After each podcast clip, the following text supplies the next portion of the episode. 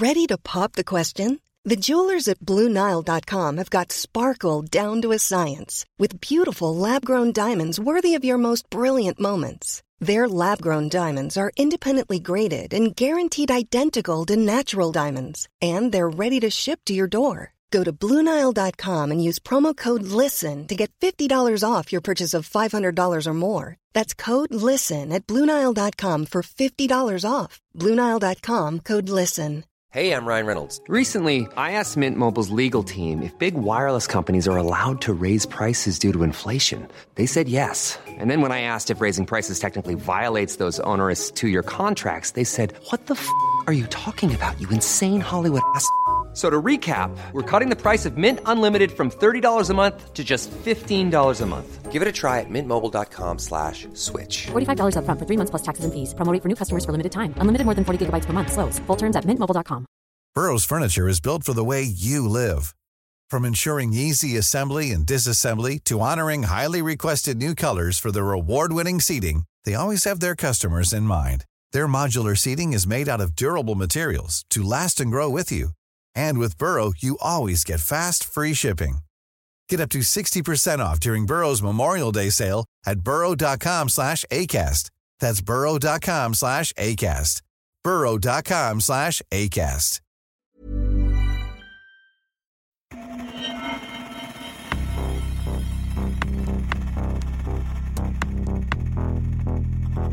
Expect more attacks on the government. They caused a lot of damage. In any computer crime, you want to look for the digital footprints. Dataintrång där interna handlingar läckte The ut. shadowy group behind the hacking attack on the Federal Reserve. breaking into files. Beskriver dataintrången så mycket avancerade. This is just the beginning. We will respond, respond, respond, respond. Nätets mörka sida. Sanna historier om brottslighet på internet. Hur fungerar Ukrainas IT-armé egentligen? Hur går det till? Hur kan man som vanlig medborgare i ett annat land i världen hjälpa till och kämpa med Ukrainas IT-armé i kriget mot Ryssland på internet? Jag tänker att vi kan ta ett exempel här som är hämtat från verkligheten. Säg hej till Adam från Köpenhamn.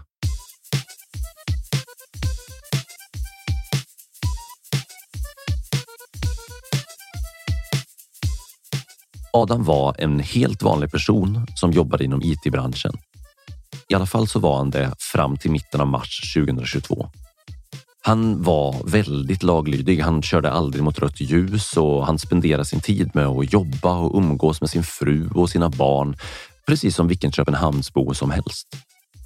Men i mitten av mars så såg han bilderna på den bombade teatern i Mariupol i Ukraina. Och han hajade till när han såg att någon med stora bokstäver hade skrivit “Children” på marken utanför teatern som nu var förvandlad till grus och aska. Då bestämde han sig för att han inte kunde titta på längre. Han kände att han var tvungen att göra något. Så sagt och gjort. Varje morgon innan Adam går till jobbet så spenderar han ungefär en timma på att försöka försvara Ukraina på internet. Adam är i 40-årsåldern och han krigar med hjälp av information från Messenger-appen Telegram. När han vaknar så kollar han Telegram och hämtar en uppdaterad lista över hemsidor och ryska företag och IP-adresser. Sen drar han igång ett program på mobilen som skickar falska requests till de här hemsidorna automatiskt. Det blir lite förenklat som en slags automatiskt bombardemang av de här hemsidorna som när de görs tillsammans med alla andra som precis som Adam ägnar en stund på morgonen åt att dedosa ryska sidor totalt överlastar de ryska sidorna och slår ut dem tillfälligt. Sen går Adam till jobbet och när det är dags för fikarast och lunch så kollar han till sin telegramapp och stämmer av så att överbelastningsprogrammet gör vad det ska, nämligen att överbelasta webbsidornas servrar med så mycket trafik att de helt enkelt kollapsar. Varje kväll när Adam går och lägger sig så vet han att han kommer att göra samma sak igen nästa dag. Kämpa digitalt för att hjälpa Ukraina i deras gerillakrig mot Ryssland i cyberrymden.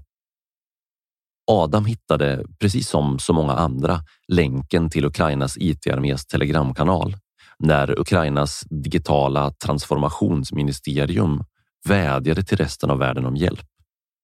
Varje dag publicerar Telegramkanalens administratörer nya listor på IP-adresser och uppmanar medlemmarna att attackera dem. Varje dag dyker det upp nya mål. Adam vet att det är olagligt enligt dansk lag att ansluta sig till en cybergerilla som Ukrainas IT-armé och utföra sådana här attacker. Men han gör det ändå. Han använder ett program på mobilen som en ukrainsk hackare har kodat. I korthet så fungerar det så här. Adam hyr några servrar på GCP, alltså Google Cloud Platform. Och sen matar han in listan med IP-adresserna och länkarna till de ryska sidorna. Sen sköter den ukrainska kodarens bot-app automatiskt DDoS-attackerna åt honom. Det enda han behöver göra är att hyra servrarna och copy-pasta listan från telegramkanalen. Oftast så blir det tre till fem servrar åt gången och varje server skickar ungefär 50 000 falska requests per sekund. En gång så fick Adam ett lite mer avancerat uppdrag via telegram. De ville att han skulle delta i en pentestoperation där ukrainarna själva skulle penetrationstesta en ukrainsk myndighets IT-system och leta efter sårbarheter för att kunna plugga igen potentiella hål som ryssarna skulle kunna ta sig in genom. En annan gång så hjälpte Adam till att sprida 110 000 kreditkortsuppgifter som tillhörde rika ryssar med kopplingar till Putin. Och just nu, samtidigt som Adam kör sin dagliga rutin med att dedosa ryska hemsidor, så är han också med och attackerar det nationella ryska nätverket med bensinstationer. En helt vanlig dag för en dansk IT-tekniker. Ingen i Adams närhet har en aning om vad han sysslar med. Han har inte ens berättat det för sin fru. Du lyssnar på Nätets mörka sida med mig, Marcus Borsklev. Och det här är avsnitt två om Ukrainas IT-armé.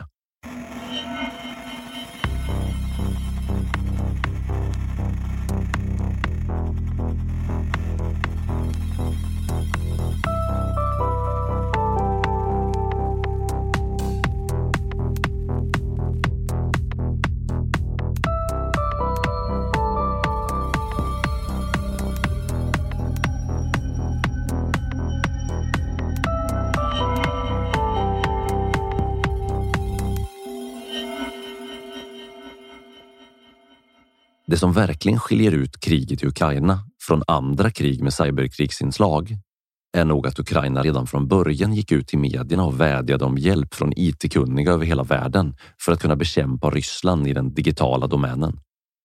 Och de fick svar från hela världen.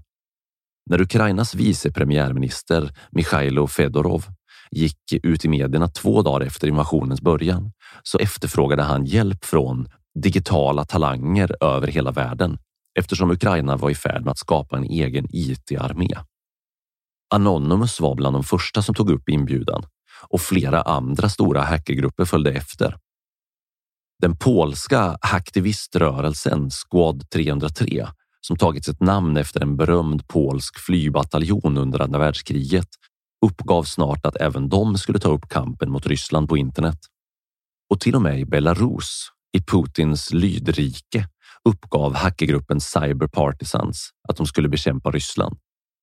Cyber Partisans är annars mest kända för att de är motståndare till Belarus diktator Alexander Lukasjenko.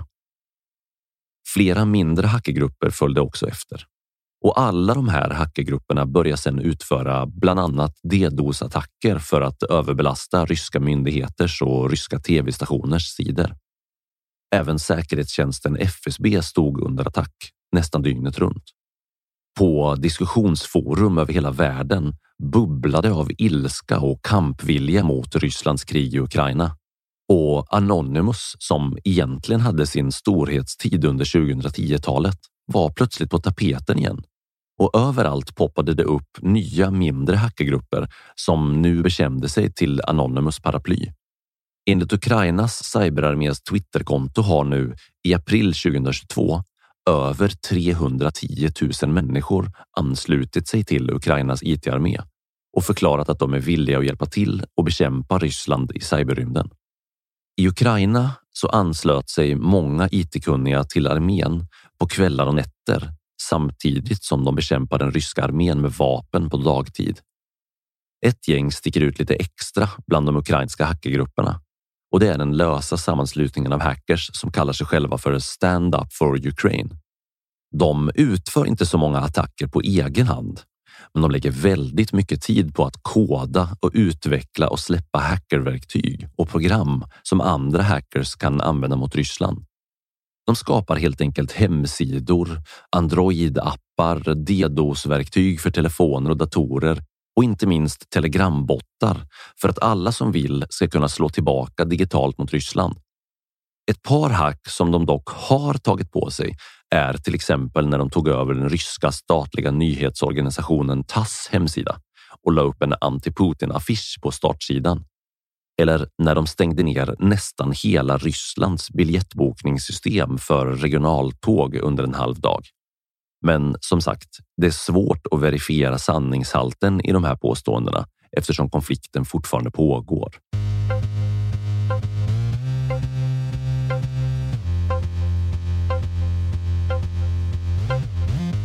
Den polska hackergruppen Squad 303 å sin sida har skapat en webbsida som låter vem som helst som går in på den sidan skicka meddelanden via sms och Whatsapp till slumpmässigt utvalda ryska telefonnummer för att kunna ge dem information om krigets fasor i Ukraina. Vissa bedömare i Europa menar att Squad 303 med den här hemsidan har bidragit till en av de största informationskampanjerna under krigets första månader.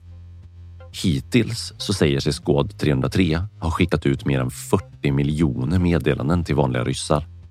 Och sedan dess har också Squad 303 bekänt sig till Anonymous och ses nu som en del av det globala Anonymous-nätverket. Ukrainska hackergrupper har också lyckats stjäla stora mängder data från servrarna hos ett antal ryska affärsgrupper som till exempel den statliga gasjätten Gazprom och Roskomnadzor som en slags regleringsmyndighet för ryska medier. Men i praktiken så är det en slags centralhubb för censuren av medierna i Ryssland. Gillar du den här podden? Skulle du vilja höra fler avsnitt? Då vill jag be dig att stödja nätets mörka sida på patreon.com. Som Patreon så får du tillgång till mängder med exklusivt material som till exempel unika bonusavsnitt som inte är tillgängliga för allmänheten. Behind the scenes videos, merchandise och en massa annat kul. Men framför allt så hjälper du mig att göra fler och bättre avsnitt genom att stödja podden på Patreon. Jag lägger ner någonstans mellan 30 till 60 timmar per avsnitt för att skriva manus, göra research, spela in, komponera musik och redigera. När du stödjer nätets mörka sida på Patreon så bidrar du till att jag kan fortsätta göra intressanta avsnitt som du kan lyssna på. Gå in på www.patreon.com natets mörka sida och upptäck allt som du får tillgång till som Patreon. www.patreon.com natets mörka sida. Länken finns också i infotexten till varje avsnitt av podden. Tack för ditt stöd!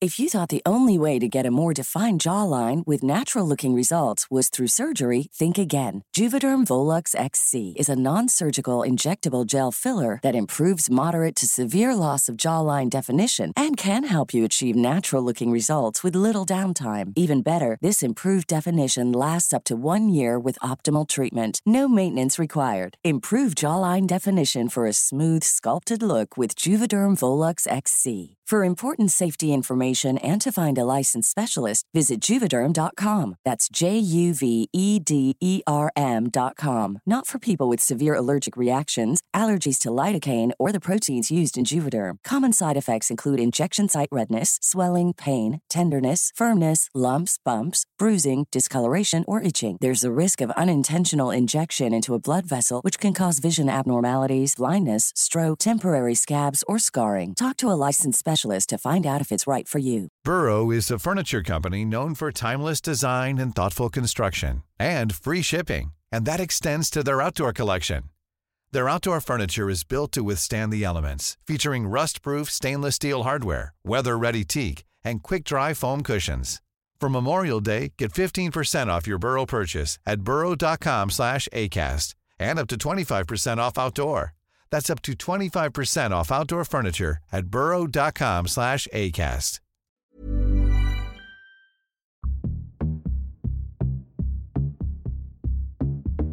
Okej, kanske du tänker nu. De här grupperna gör en massa saker för att hjälpa Ukraina i cyberkriget mot Ryssland. Men vad gör Ryssland då? Vi har ju matats med nyheter om ondsinta ryska hackare och trollfabriker som spyr ut propaganda i tiotals år redan innan kriget började, eller? Så vad gör Ryssland mot Ukraina? Vad gör Ryssland mot resten av världen? Ja, det är svårt att veta exakt vad Ryssland har gjort eftersom de själva väldigt sällan avslöjar vilka attacker de ligger bakom eller erkänner när någon kommer på dem. Men det vi vet hittills är ungefär det här. Sedan januari 2022 så har ryska hackare attackerat Ukraina med tre större vågor av DDoS-attacker som har överbelastat flera ukrainska myndigheters och mediers hemsidor. Men inte nog med det. Minst tre större wiper-incidenter har också utförts av Rysslands cyberarmé. I en wiperattack så infekteras datorerna i ett nätverk och sedan raderas informationen på de här datorernas hårddiskar. Ibland så sker det i form av ransomware med ett hot om att data kommer raderas om inte användaren betalar en lösensumma till hackarna. Men så var inte fallet med de här attackerna. Här var det rent och skärt cyberkrig och målet var helt enkelt att förstöra så mycket som möjligt för Ukraina. Det är svårt att veta hur pass framgångsrika de här wiperattackerna verkligen var. Men enligt Ukrainas officiella uttalanden så drabbade de tre wiperattackerna datorsystem inom flera ukrainska myndigheter.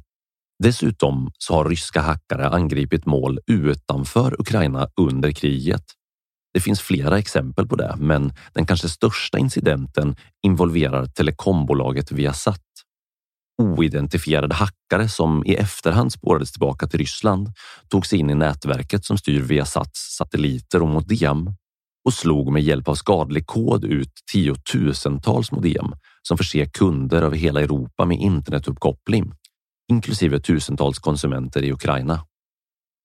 En annan spektakulär sak som ryssarna lyckades med var att sprida en deepfake-video av den ukrainska presidenten Zelensky på den ukrainska tv-kanalen Ukraine 24s hemsida.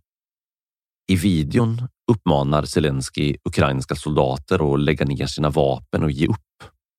Men jag måste i ärlighetens namn säga att den där deepfake-videon faktiskt var ganska kass nu när jag sett den själv.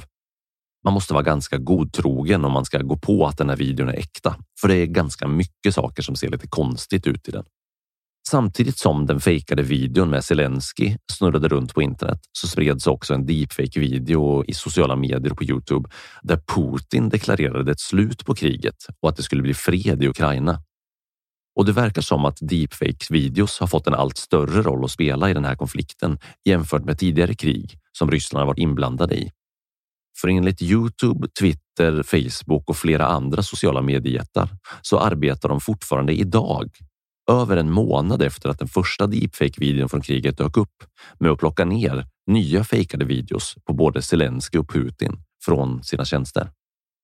En del av hackerattackerna som har utförts under det här kriget är lite extra svåra att bekräfta. Det finns helt enkelt inte så mycket tillgänglig information om dem ännu, men det kan ändå vara intressant att höra om vad olika hackergrupper säger sig ha gjort. Så här kommer några exempel. Det stora ryska skogsbolaget Forests databaser hackades och aktivisterna läckte nästan 40 000 e-mailkonversationer. Aerogas, ett stort bolag inom olje och gasindustrin, hackades och även här läcktes mängder med e-mails, men ännu fler denna gång. Över 100 000 stycken. Det största affärscentret i Sankt Petersburg, Petrofort, hackades och därifrån läckte över 300 000 e-mails. Den stora ryska banken Sberbank hackades och både Sberbanks hemsida och deras mobilapp slutade fungera. Ukrainas IT-armé annonserade att de hade hackat Rosgram, en rysk version av Instagram och sen skapat en egen fejkad version av appen som istället samlade in användardata och spred information om ryska krigsbrott i Ukraina.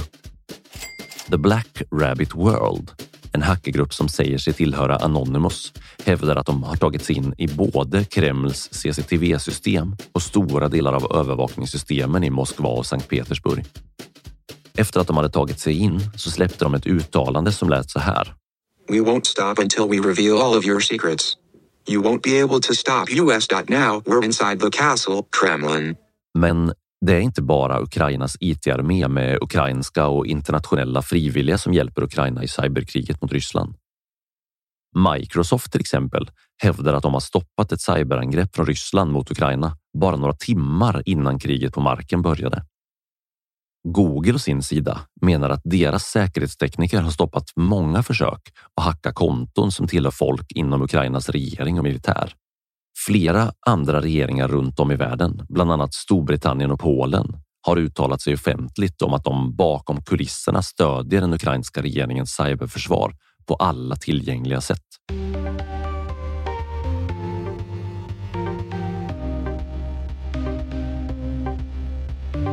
Vi kan också ställa oss frågan vilken skillnad de här cyberattackerna verkligen gör för kriget i Ukraina. Skillnaden mellan att hacka den ryska dumans hemsida och lägga in pro-ukrainsk propaganda och släppa en bomb i ett bostadsområde i Kiev är ju enorm mätt i mänskligt lidande. Ett hack kommer inte att stoppa den ryska arméns framfart i ukrainska städer. Nej, visst är det så. Men det är värt att tänka på att de allra flesta konflikter idag inte längre är begränsade till mark, luft och vatten, utan att de i allra högsta grad även utspelar sig i cyberrymden. Och om Ukraina kan vinna informationskriget mot Ryssland och skapa opinion mot Putin ute i världen så kanske deras cyberarmé inte är så insignifikant ändå. Det är kanske rimligt att se cyberkriget mellan Ukraina och Ryssland som en av pusselbitarna i det här kriget. En av pusselbitarna där vapenmakt är en annan, ekonomiska sanktioner är en annan och så vidare och så vidare.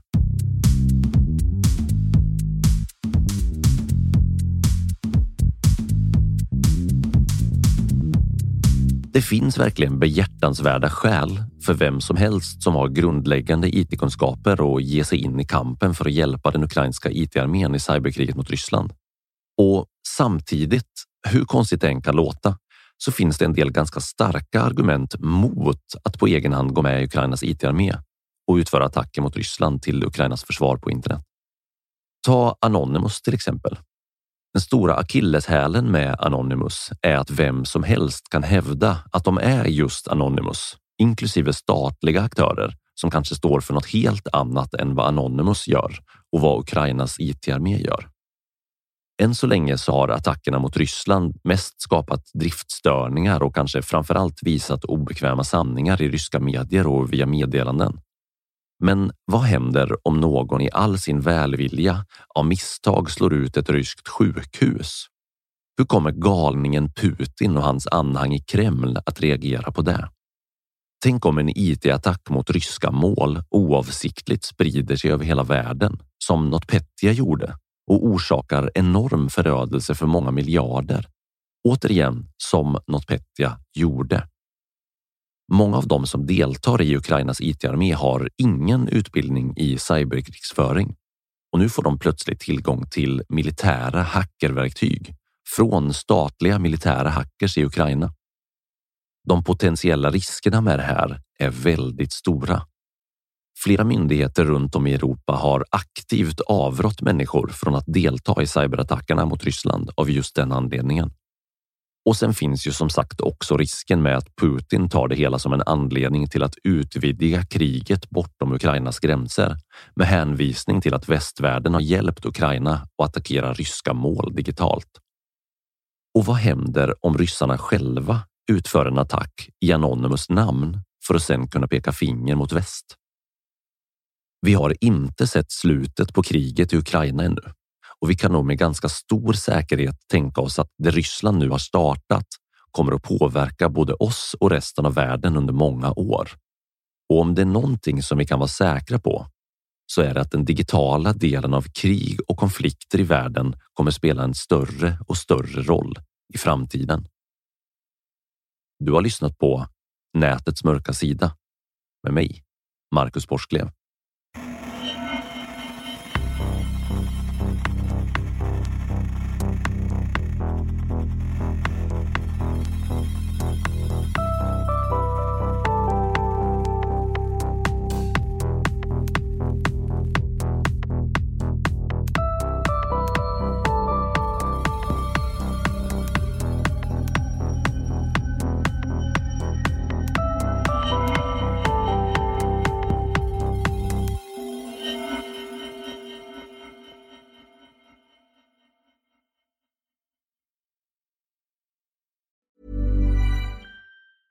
Want flexibility? Take yoga. Want flexibility with your health insurance? Check out United Healthcare Insurance Plans. Underwritten by Golden Rule Insurance Company, they offer flexible, budget friendly medical, dental, and vision coverage that may be right for you. More at uh1.com. Hi, I'm Daniel, founder of Pretty Litter. Did you know cats tend to hide symptoms of sickness and pain? I learned this the hard way after losing my cat, Gingy. So I created Pretty Litter, a health monitoring litter that helps detect early signs of illness by changing colors, saving you money and potentially your cat's life. Pretty Litter is veterinarian developed, and it's the easiest way to keep tabs on your fur baby's health right at home. Go to prettylitter.com and use code ACAST for 20% off your first order and a free cat toy. Terms and conditions apply. See site for details. Hey, it's Paige DeSorbo from Giggly Squad. High quality fashion without the price tag? Say hello to Quince.